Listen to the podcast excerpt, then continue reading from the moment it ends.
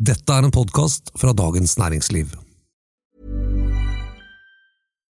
Millions of people have lost weight with personalized plans from Noom, like Evan, who can't stand salads and still lost 50 pounds. Salads, generally, for most people, are the easy button, right? For me, that wasn't an option. I never really was a salad guy. That's just not who I am. But Noom worked for me. Get your personalized plan today at Noom.com. Real Noom user compensated to provide their story. In four weeks, the typical Noom user can expect to lose one to two pounds per week. Individual results may vary. One size fits all seemed like a good idea for clothes Nice dress. Uh, it's a it's a t-shirt. until you tried it on. Same goes for your healthcare. That's why United Healthcare offers a variety of flexible, budget friendly coverage for medical, vision, dental, and more. So, whether you're between jobs, coming off a parent's plan, or even missed open enrollment, you can find the plan that fits you best. Find out more about United Healthcare coverage at uh1.com. That's uh1.com. Ryan Reynolds here from Mint Mobile. With the price of just about everything going up during inflation, we thought we'd bring our prices down. So to help us, we brought in a reverse auctioneer, which is apparently a thing. Mint Mobile unlimited premium wireless. Ready to get 30, 30, bit to get 30, bit to get 20, 20, 20, bit to get 20, 20, bit to get 15, 15, 15, 15 just 15 bucks a month. So, Give it a try at mintmobile.com slash switch. $45 upfront for three months plus taxes and fees. Promo rate for new customers for limited time. Unlimited more than 40 gigabytes per month. Slows. Full terms at mintmobile.com.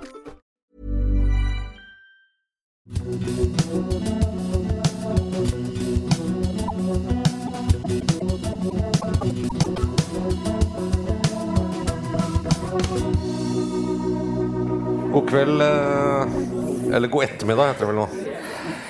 Alle sammen. Eh, Velkommen til eh, den politiske situasjonen. Stavanger spesial. Eller Coconomics spesial. Med Eva Grinde, som er kommentator i Dagens Næringsliv. Og meg, Fridtjof Jacobsen, som er politisk redaktør. Tina Bru, tidligere olje- og energiminister for Høyre. Nå stortingsrepresentant og er leder i finanskomiteen, eller? Nei, medlem.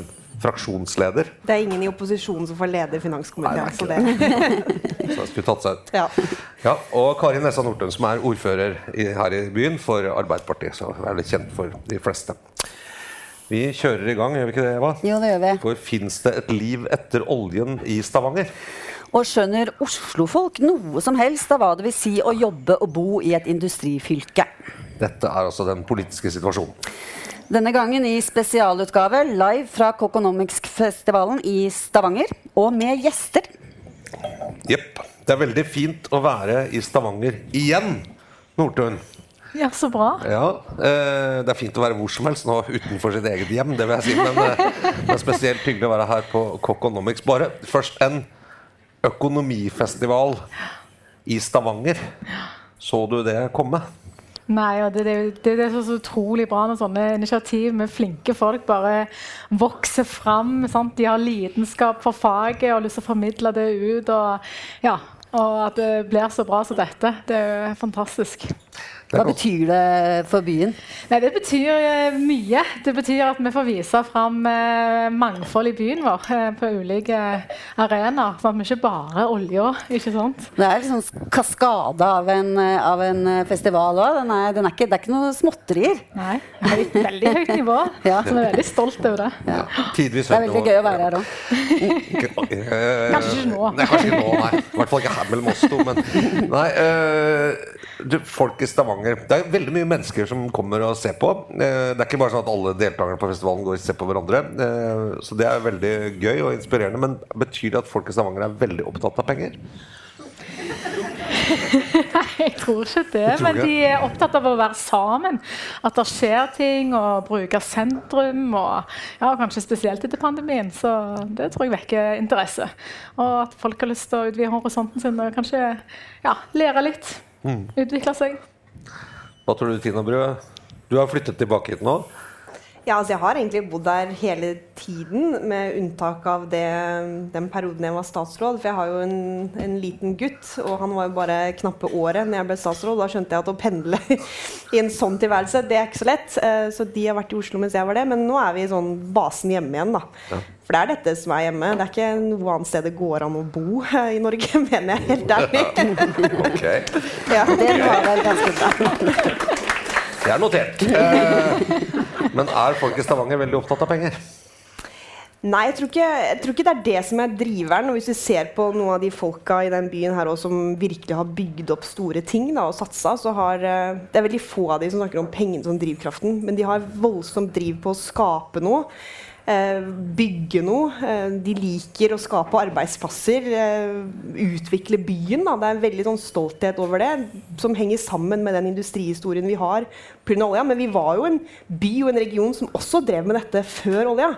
Så det ligger litt i, i naturen vår, tror jeg. Men det er nok det er det å skape noe som er driveren, ikke penger. Men penger er jo en fin bonus. da, Det må jo gå an å si det. Ja. Men livet etter olja i Stavanger, mm. hvordan? Jeg tror det blir veldig bra. Ja. Altså, jeg føler noen ganger så Når man snakker om det, hva skal vi gjøre etter olja, og sånn, så er det mange som uh, automatisk tenker at det kommer til å bli aller hardest for Stavanger-regionen, som er så avhengig av dette i dag. Men jeg tror, tror liksom litt sånn tvert om. Jeg tror hvis det er én region som kommer til å klare da, den omstillingen vi skal gjennom på en god måte, så er det oss. Det har vi vist at vi får til før. Vi klarte det etter oljeprisfallet i 2015, hvor vi tross alt mistet ganske mange jobber. Men sysselsettingen er opp igjen og man skaper nye ting. Så, så jeg, ikke, jeg, tror omstillingen kommer til å treffe Norge hardere andre steder enn her. Vi kommer til å finne ting å holde på med, og vi er godt rigga for å holde på med de tingene som vokser ut av olja. Da. Så jeg har ikke en sånn kjempebekymring for det, for vi, vi er driftige folk. Hva sier du, Nordtun? Er, er Stavanger egentlig veldig mye annet enn olje? Er det, er det overdrevet, det oljehovedstadsbegrepet? Mm. Vi sier jo energihovedstaden nå. Eh, veldig stolt over oljeunge. og, og, den historien er utrolig viktig. Men eh, vi ser med den sammensetninga av næringslivet som vi har i dag, og det skjøt skikkelig fart under oljekrisen, da var det alvorlig for oss. altså. Mm. Det må jeg bare si. Men du har bare sett de siste fem-seks årene hvordan det bare blomstrer innenfor annen industri, og hvordan eh, eksisterende olje- og gasselskaper òg eh, gjør så mye mer enn bare utelukkende olje og gass. Så det skjer utrolig mye spennende på teknologifronten innenfor ja, droneutvikling, innenfor eh, eh, ladesystemer sånn som Zaptec og Easy, som gjør det stort eh, internasjonalt. Eh, og ikke minst når jeg var og besøkte Lærdal Medical, som er en stor, en stor eksportbedrift her fra landet mm. innenfor helseteknologi. Og hvor digitaliserte de er, og hvor høyt nivå det holder. Eh, så det skjer så utrolig mye spennende her innenfor hele segmentet av energi og, og andre næringer næringer. Det er, litt, det er liksom litt interessant å høre på den der veldig sånn optimismen og troen på at jo, liksom, jo, mer olje vi skal vekk fra, jo bedre kommer det til å gå med oss. Den er, liksom, den er liksom vond å svelge sånn helt. Dette med oss, denne historien som fortelles om at man skal stå på skuldrene til den tidligere industrien, og det skal på en måte sømløst mm. gå litt av seg selv. Mm. Nesten, som, uh, nesten litt magisk tankegang. Mm. er det? Litt sånn, Nei, Er man avhengig av litt magi her? Ja, men Det er litt sånn uh, Kanskje sånn Oslo-spørsmål?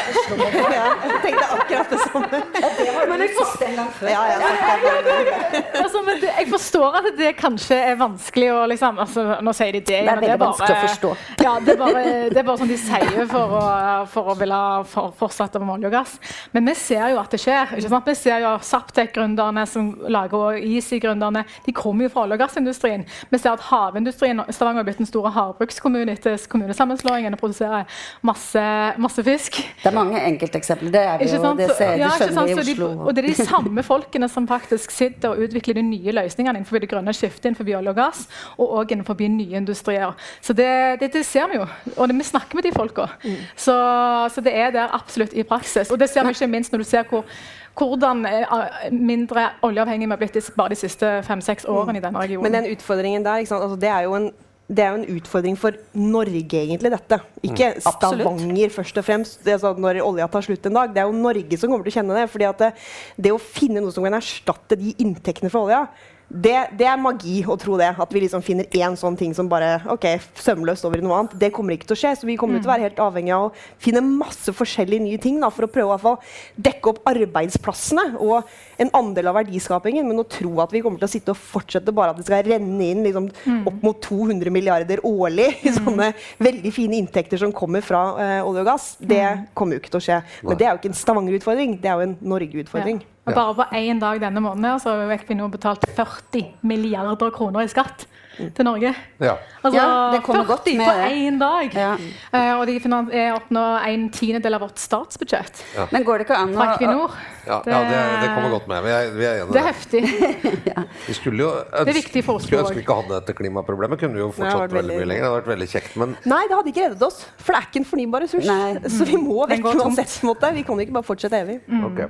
Men, det men da, eh, hvis jeg hører dere riktig nå med eksemplene, så kan man si at industrien, eller hva man skal si, industri, eller industrisamfunn, moderne industrisamfunn, som Stavanger eller, eller regionen, egentlig ganske godt rusta. Eh, ganske klare, allerede i gang med nye ting. Og menneskene, teknologien, satsingsviljen, farten, alt er på plass. Og hvis man er kommet så langt, så må vi jo snakke om det som noen sier Viktor Nordmann sa i går. Er det ikke da greit for å bare sette enda mer fart i det og si at her er datoen, da er det slutt? Nei. Hvorfor ikke det? Nei altså, jeg, sorry, ass. Jeg skjønner ikke Nå, jeg poenget med det. han, men jeg siterer Jo, han, men, ja, ja, men det si det ville, det ville kanskje fått enda mer fart i det, og vi ville kommet raskere til det nye. Hvis vi hadde hatt en deadline på en måte å forholde oss til. Jeg, jeg tror ikke altså, Jeg er ikke økonom, så jeg er forsiktig med å liksom eh, ja, tro at jeg har veldig mye bak bedre analyser enn han. Men det er jo ikke sånn at det, Finanskomiteen, da. Jo, men det er ikke det samme likevel. Jeg tror det å tro at det liksom at man så lenge det er gode penger å tjene, og dette er en industri som går godt, så skal det ganske mye til at noen sier nei, investerer ikke det. Eh, vi går til noe annet bare fordi noen har sagt at det skal vi gjøre. Altså det, det blir en veldig rar måte å utvikle landet på. Jeg tror vi kan gå glipp av store muligheter ved å gjøre det også. Og så er det noe med å ta inn over seg realiteten her. da. Fordi det jeg tror, at nå er vi potensielt på vei inn i det som kan bli, kanskje, den siste litt sånn store oljeboomen for Norge. Fordi at eh, Når effekten av den skattepakka Stortinget vedtok i fjor, er ute Vi har ikke gjort mange store nye funn i det siste. Kan hende det plutselig skjer noe, men det er ingenting som tyder på det. Sannsynligheten blir jo lavere og lavere. Eh, så kommer det til å være litt sånn skralt med prosjekter å utvikle når man kommer mot slutten av 20-tallet. Så Derfor haster det jo nå å rigge oss hva vi skal gjøre da, de åra der. For det er ikke som at dette bare vokser inn i himmelen. Nå er, det er, bare se på prosjektene til selskapene, så ser du egentlig hvordan dette kommer til å utvikle seg. Altså, du må begynne å tenke på etterpå. Men går det ikke an, er det, er det så farlig å på en måte anerkjenne at det er et visst problem å si til oljeindustrien fortsett, gå for den bommen, dra ut mest mulig av det, jobb som før, og utvikle For dere sa jo nettopp at det er de samme folka som skal utvide, utvikle de nye, industri, eh, nye grønne industriene. Det er jo et problem der. Det er, de kan ikke klone seg. Nei, men de, de gjør det jo inhouse. holdt på å si. Altså, de gjør De det gjør i sine egne selskap. Ja, Men så er delvis. Men nok, nå, er det nok? Er det fort nok? Er det, er over, liksom, går det fort nok hvis man samtidig skal kjøre full gass? Nei, jeg tror tempoet må opp. Det er jeg enig i. Eh, og de sel eksisterende selskapene gjør det i dag. Bare se på hvor mye Equinor har tenkt å investere innenfor fornybarsatsingen sin de neste årene. Så, og det, det trenger de kapital for å gjøre òg. Så, så vi trenger eh, oljeinntektene for å finansiere nettopp den satsingen som nå skjer innenfor det grønne skiftet. Det er ikke gratis. Så må vi huske på at De andre nye tingene er jo ikke lønnsomme ting. Det er ting som vi stort sett diskuterer hvor aktiv skal staten være i dette. Fordi det går ikke rundt av seg sjøl. Det trenger tilskudd, det trenger støtte. Det kaster ikke av seg ennå. Og Det er- er jo noe vi må, liksom, Ja. vi må ha med det i diskusjonen. For noen ganger høres det ut som at det, hvorfor driver vi ikke bare mye med havvind? Ja, men det er ikke lønnsomt! Nei. Vi jobber med det, men vi tjener ikke penger på det. Så noe annet må vi tjene penger på imens. Utemøbler kaster av seg i hvert fall i regnskapene til Vestre, så kanskje vi kan leve av det. Eh, ikke så mange arbeidsplasser, har jeg men, eh, men du, eh, det med også litt med framtid og, og sånn eh, Det var jo et ganske eh, et besøk her i Stavanger som fikk veldig stor oppmerksomhet fra Lan Marie Berg. Eh, hvor hun var på Oljemuseet, og det ble skrevet om eh, i en eh, annen avis på en, si, en underholdende, avis. underholdende måte. Ja, I Aftenposten. Men, og det, det besøket vakte ganske stor oppsikt, for hennes budskap, så vidt jeg forsto, og fått til yngre velgere, var bare sånn Altså, dette er over. Ikke utdann dere innenfor dette. Det er bare Erkjenn at nå kommer framtida, og hvis dere tror at dette her overlever, så er dere ferdig. Det var sånn jeg tolker budskapet. Var, var det sånn det ble oppfattet da, eller, eller var dette også en Oslo-omskriving av sannheten? Eh, Det var var Oslo som kom på besøk, var det ikke det? Ja, det ble nok oppfatta litt sånn. Ja. Ja. Jeg vet ikke om det var meningen, men det var sånn det fremsto. Ja. Men hvis du, hvis du snakker med yngre partifeller eksempel, i AUF, eller, eller unge politikere, eller, eller unge folk i skoler, studenter og sånn her, hvordan ser de på dette? Er de mer utålmodige? Eller? Ja, vi er, jo, vi er jo utålmodige. Ja. Det, det må jeg bare si. Det, det bør gå fortere Mm. enn det det gjør i dag. Eh, og Derfor er jo jeg veldig for at eh, det som nå skjer med plattformen, Hurdal-plattformen, at den sier at den skal gå enda mer aktivt inn og se på virkemiddelapparat og, og ha sterkere statlig styring på dette. Eh, vi har go god erfaring selv med kommunalt eh, eierskap i form av Lyse, hvor Stavanger kommune er ganske mye, som, eh, som eh, ja, gjør det bra, og som er viktige inntekter for kommunene òg. Eh, de har bl.a. Altibox, som er rundt om i hele landet. Ja, Eh, så det er ingen som tenker på at det er et heleid kommunalt selskap. Nei. Ikke sånn? Nei. Eh, nei, så det, jeg mener at staten kan, eh, kan eh, gjøre mer. Og så er jeg spent på om man klarer å skru opp tempoet for, til å gå enda fortere. For vi ser jo at Europa springer fra oss på mye av det som nå skjer f.eks. innenfor havvind. Og vi kan gjøre mer innenfor karbonfangst og -lagring òg.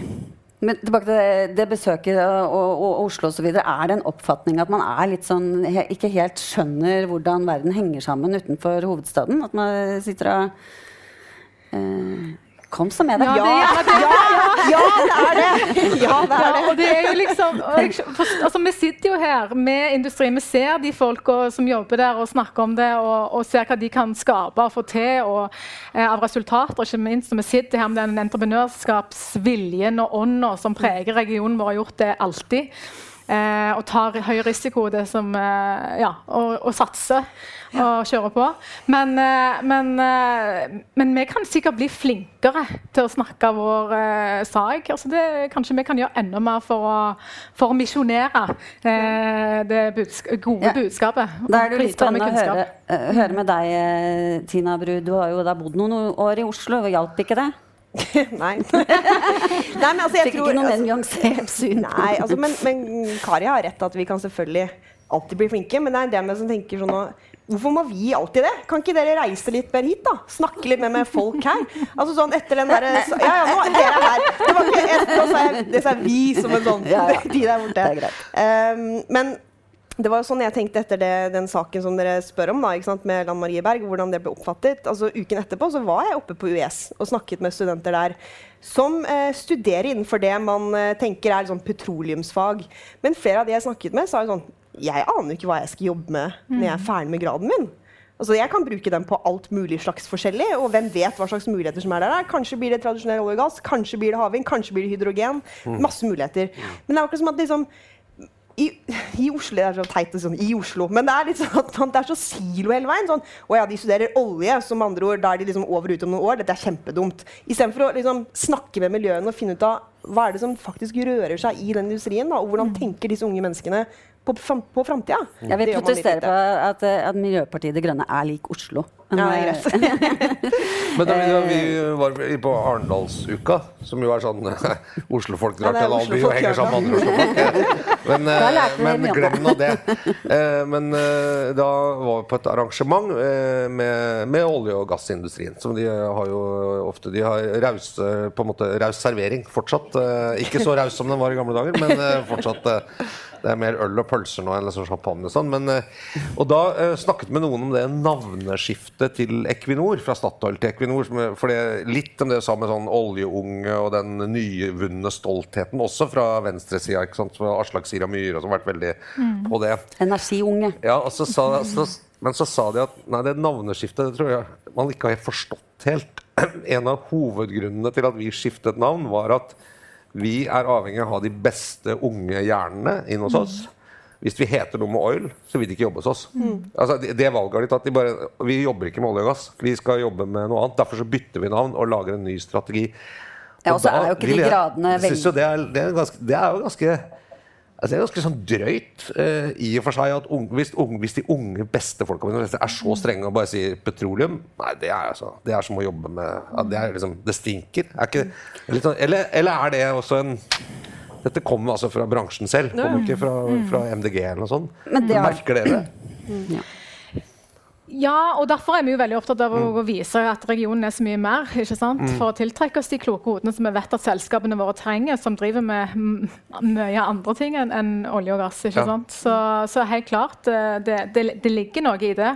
Eh, så, så mm, Men det har de holdt på med. Ja, jeg bare tenker at De gradene er jo heller ikke helt sånn petrol... Altså, de er ofte mm, er mange- hybride, de ja, er sammensatte, ikke sant? Ja. og de er, de er fornyet seg. Og, ja. Og det gjelder jo alle grader. Det, du vet jo ikke, altså, folk er omstillingsdyktige. Veldig få ender opp med å jobbe med kanskje i, i livet sitt det de faktisk utdanner seg til. Ja, det er sant. Det er. Men jeg tror også det handler om at man rett og slett eh, altså man oppfatter ikke, Hvis man studerer noe da, som leder til at du Det har vært naturlig å jobbe i gamle Statoil, nå Equinor.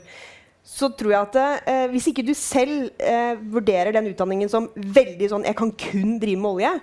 Så vil du også da kanskje jobbe i noe som ikke stemples som at man kun driver med det. Så jeg, jeg skjønner på en måte den tankegangen fra de studentene også, For at selv om de studerer disse fagene, så er de samtlige jeg har snakket med, ekstremt opptatt av at vi skal nå klimamålene våre. De vil være med å liksom gjøre verden bedre. De vil kutte utslipp.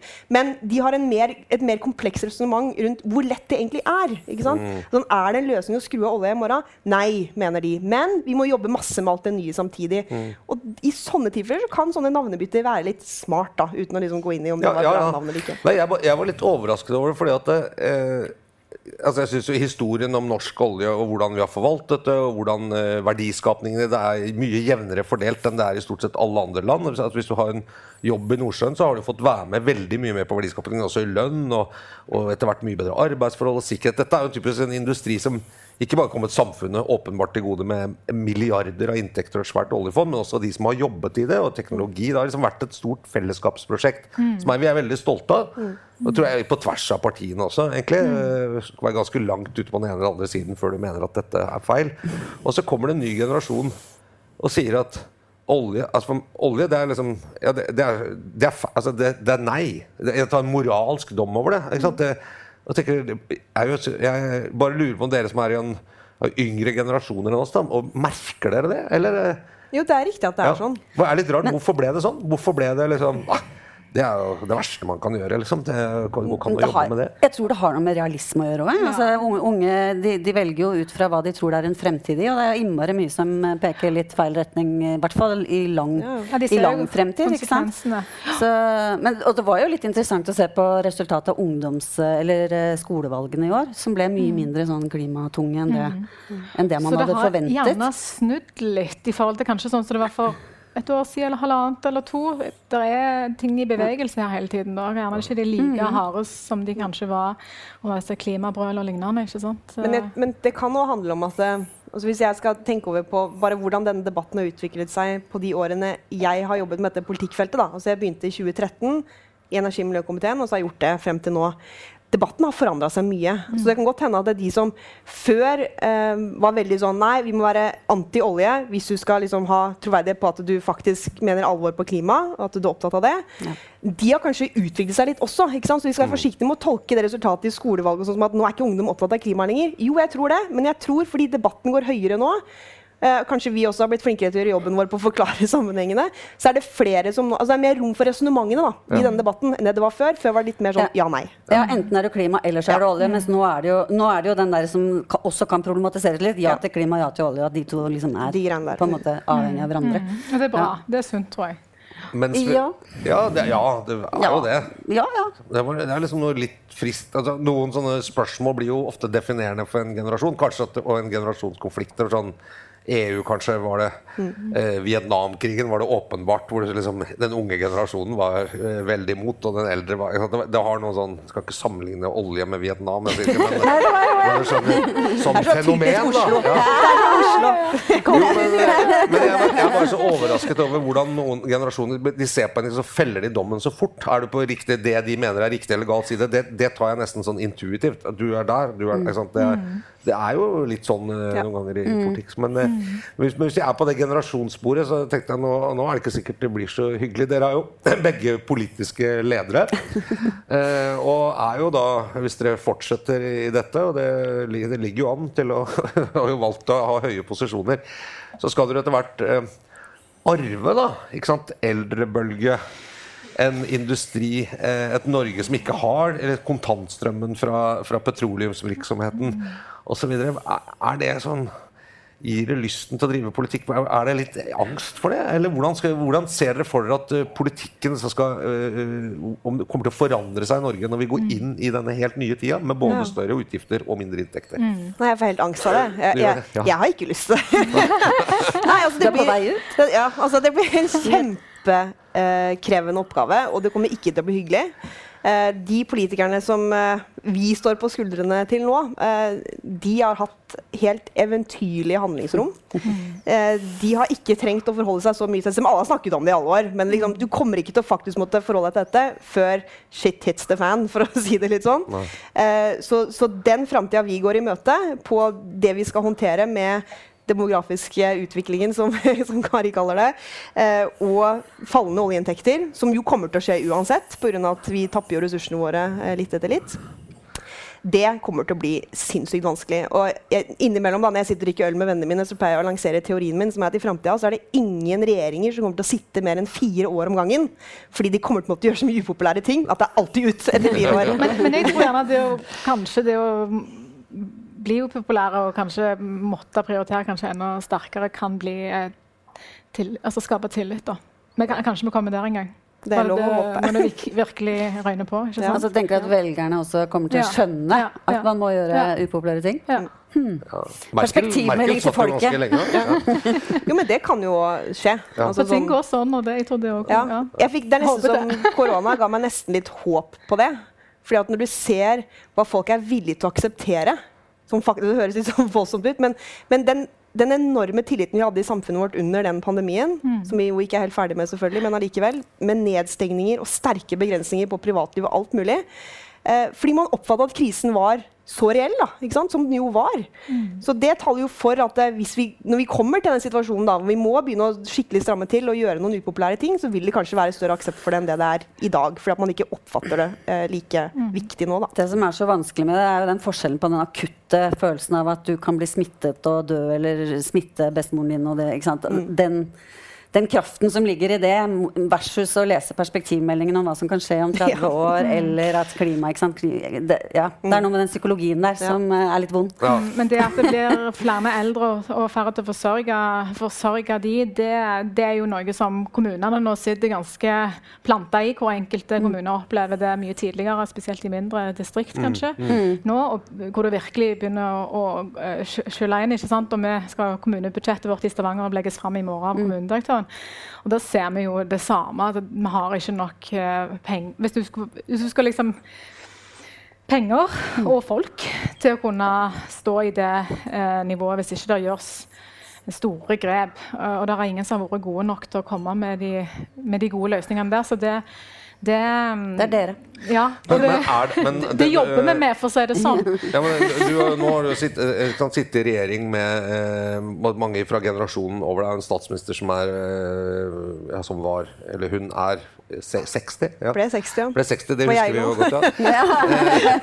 Eh, eh, hun var det, men, og satt jo da siden hun var 52 til hun var 60 som statsminister. Eh, men, men er den generasjonen på en måte over det som i dag er styringsgenerasjonen eller toppgenerasjonen?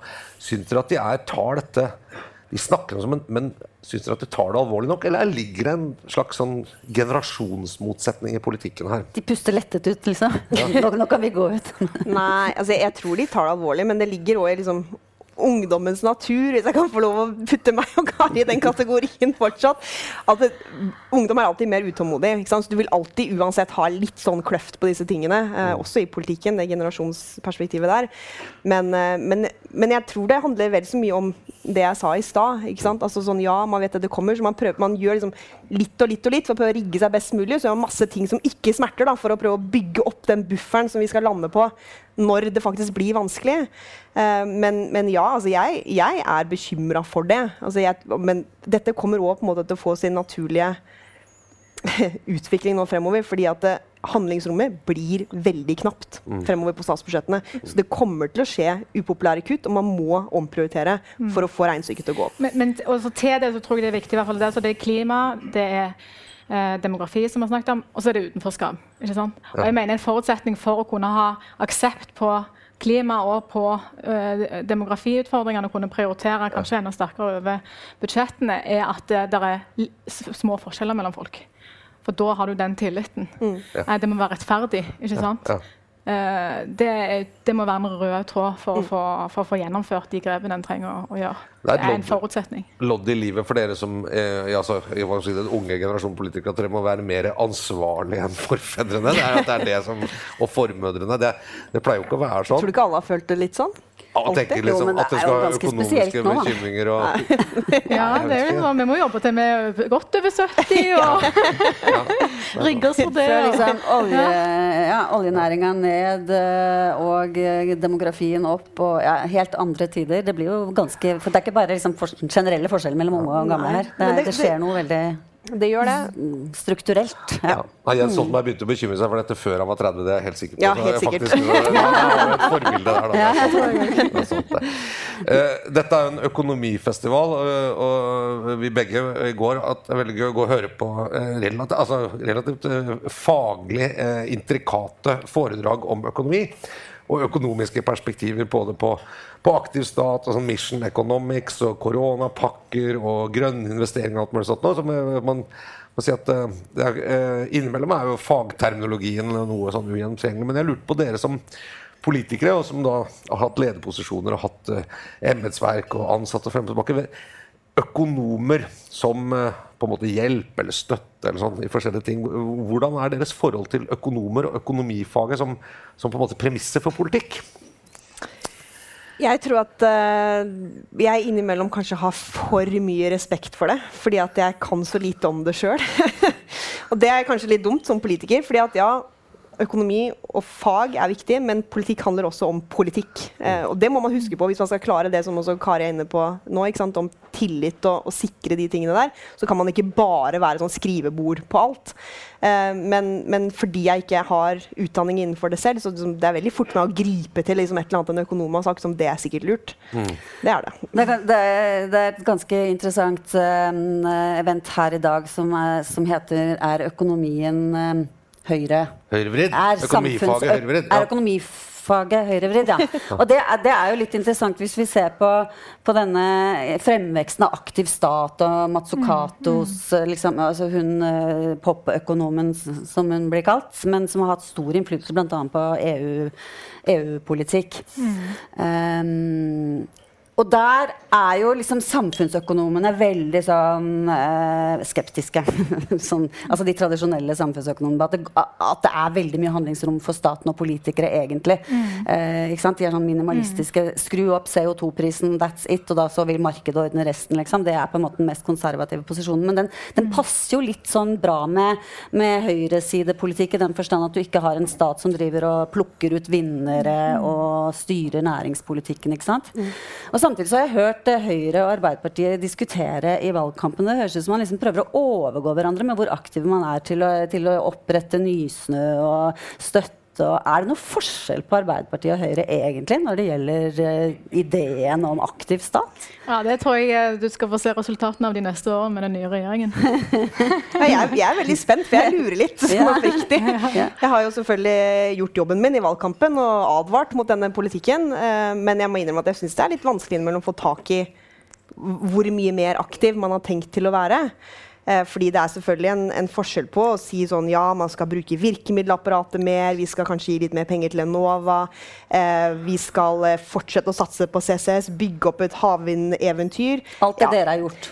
Alt det her står i min stortingsmelding ja. som jeg la frem ved sommeren. Så det er liksom ikke noe sånn revolusjonerende i en sånn veldig venstrevidd retning. Men hvis det er sånn at man altså Det som bekymrer meg som jeg er uenig i, da, det er en sånn tanke om at det vi trenger nå, er flere statlige selskaper. Eller høyere statlig eierandel i noen bestemte ting som vi har veldig tro på. Hvor hydrogen er et eksempel, da, hvor man skriver i plattformen at man vil eh, gjøre statskraft til en spydspiss innenfor dette. Kanskje liksom pumpe inn noe mer kapital, peke de retningene og satse på hydrogen.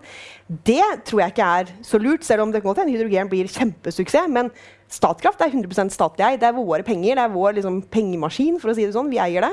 Eh, og det å si at nå skal dere liksom, gamble på dette, for dette tror vi er det som blir den vellykkede teknologien. Det er jeg skeptisk til. Men det jeg savner flere ting. Eh, jeg savner, for eksempel, bare se de siste årene. Det ble ut, hva var det, 12, eh, var det næringsministeren sa 12 havvindmøller. Det er jo ingenting Nei. de siste 10-15 årene. Så, og det merker jeg når jeg har gått og snakket med næringslivet her i regionen. og vært på debatter, det som er, De ønsker en stat som har en klar, tydelig retning hvor de vil. For de trenger å vite hvor de skal putte sine investeringer henne. De vil ha penger fra staten De vil, men de vil ha retningen, de vil ha styringen. For eksempel, de etterspør jo mange måltall på hvor mye havvind vi skal produsere i Norge innenfor et gitt tidspunkt. Det ønsker de å ha.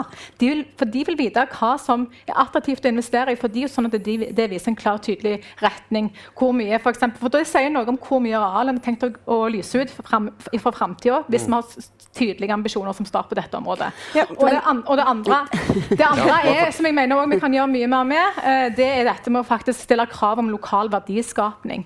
At det for eksempel, eh, er enkelte virkemiddelapparater som, som jo bidrar til arbeidsplasser eh, i andre land. Det er jo fint og flott for andre land, men vi må i langt større grad stille krav om at det skal være lokal verdiskapning her i Norge når vi bruker det norske virkemiddelapparatet. Det, det mener jeg. Men jeg er ikke stortingspolitiker. Men, eh, Nei, men, men jeg må, få kommentere litt på det. Nå skal, vi ikke, nå skal vi ikke ha en sånn svær politisk debatt, men allikevel må, jeg må kommentere litt på det havvindgreiene. For jeg er egentlig ganske enig med mye av det som, som Kari sier, men det er en ganske god grunn da, til at vi bare har tolv flytende havvindmøller på vei så langt.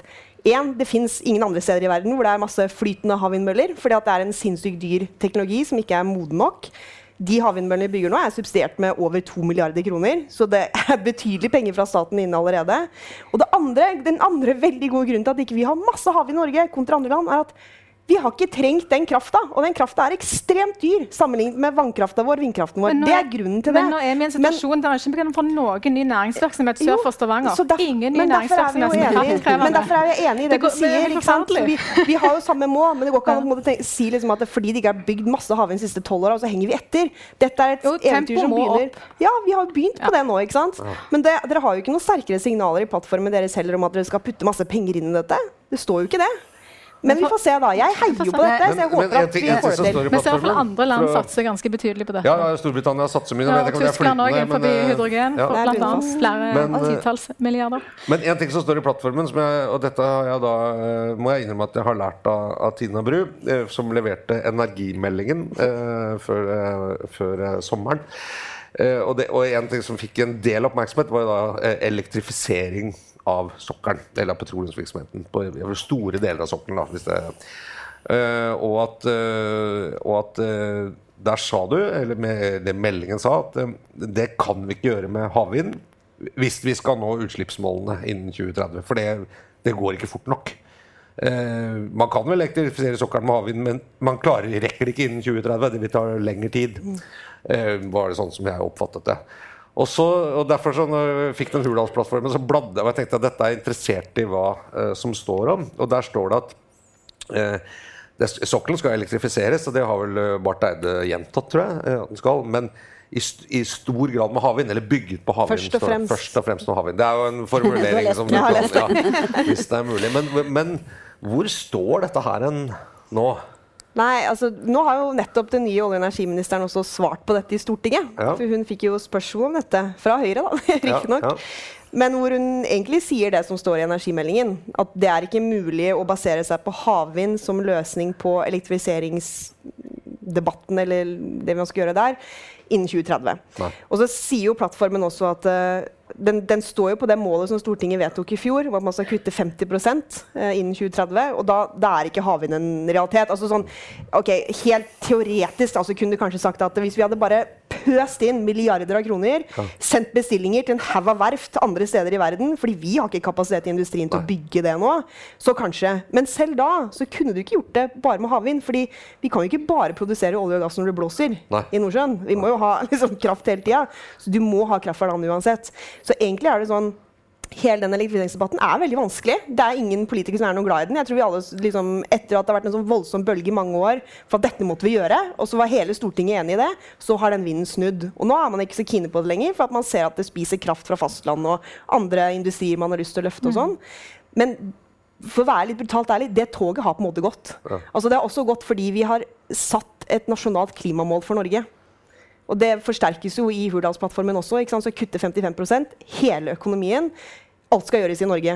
Så hvis du ikke vil elektrifisere eh, sokkelen, så har du avlyst norske klimamålet. Det er det du egentlig har gjort. Det er det ingen som sier høyt, men det er realiteten. Men bare, jeg spør spørre deg om dette. Men det er jo en ganske stor investering å bygge opp all den havvinden og, og få all den kraften ut til sokkelen. Eh, Men som du sier i stad, dette er jo på en måte litt i siste fase. Eh, Det, er ikke så mye mer grunnrente igjen. Kanskje det er ikke så mye flere reserver. Vi får se hvordan det er med letepolitikk osv. Men på de områdene man får det ut Hva skal man gjøre med hele denne enorme investeringen da etterpå? Det kommer jo litt an på. Sånn, det er jo ikke en automatikk heller at man skal elektrifisere alt. Du Nei. skal gjøre det der hvor det er hensiktsmessig. Og du skal jo også basere deg til en viss grad på tiltakskost. Da? Hva koster det for tonn CO2 du kutter? Og det er jo en veldig forskjell på pris. Noen prosjekt har jo veldig lav tiltakskost, andre er ganske høye. Eh, og så må du se på levetiden til feltet osv. Så, videre, og så, videre. så det er mange ting som spiller inn i de vurderingene. Eh, men vi vil jo ikke komme i situasjon, tror jeg, da, eh, hvor vi er nødt til å stenge ned felt før de er ferdig å produsere, fordi vi ikke kan tillate oss de utslippene. Og det er det som kommer til å skje når vi kommer til 2050, hvor Europa skal være på netto null. Ja. Da kan du ikke ha utslipp i industrien, om det er på land eller om det er til havs. Så sånn sett så er det en investering i at vi skal kunne fortsette også å tjene penger på dette så lenge det er et marked for det. Det er jo det. Ja. Hvordan ser den elektrifiseringsdebatten ut her i Stavanger? Nei, ja, som sagt, eh, når vi her nå ikke kan etablere altså, ut, alt utover kontorarbeidsplasser sør for Stavanger, så er det jo krevende Mm. for oss. ikke sant? Det, der går også, eh, det kunne gått langt raskere med å få igangsatt uh, utbyggingen. utbygging Ja. eh, på land òg. Mm. Men du, dere hadde besøk her fra nye næringsministeren. Stemmer det. Valgte Stavanger først. Er det første byen Nei, han dro nei, til? det er ikke første. Det er ikke Ja, nei, det ble slått opp i Stavanger. Ja, ja, ja. Som om. Ja. Ja. Den gule Men trøya. veldig, Dere har den gule trøya. Det, det, skrev, det- det skrev du på Facebook. Vi, ja, det er riktig. Vi har på oss Ja. den gule trøya Ja. det grønne skiftet. Hva mener du med det?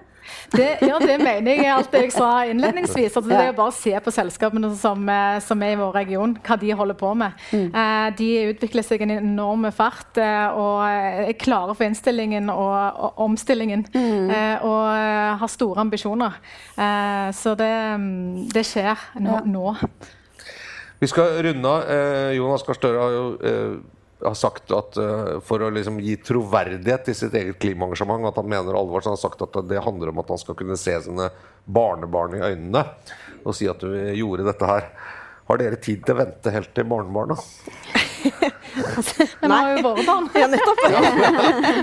Så det holder, det. Man Det holder, til det. se barna i øynene. Ja. Ja, det. Det er litt sterkere kontrakt, føler jeg. Altså, egentlig det. Ja. Men, eh, ja. Lykke til uansett med alt dere skal gjøre, både her og der, til Oslo, Stavanger og andre ting. Og takk for at Takk for alle kom. Eh, Dette var den politiske situasjonen på Coconomics. Takk for nå. Takk for nå.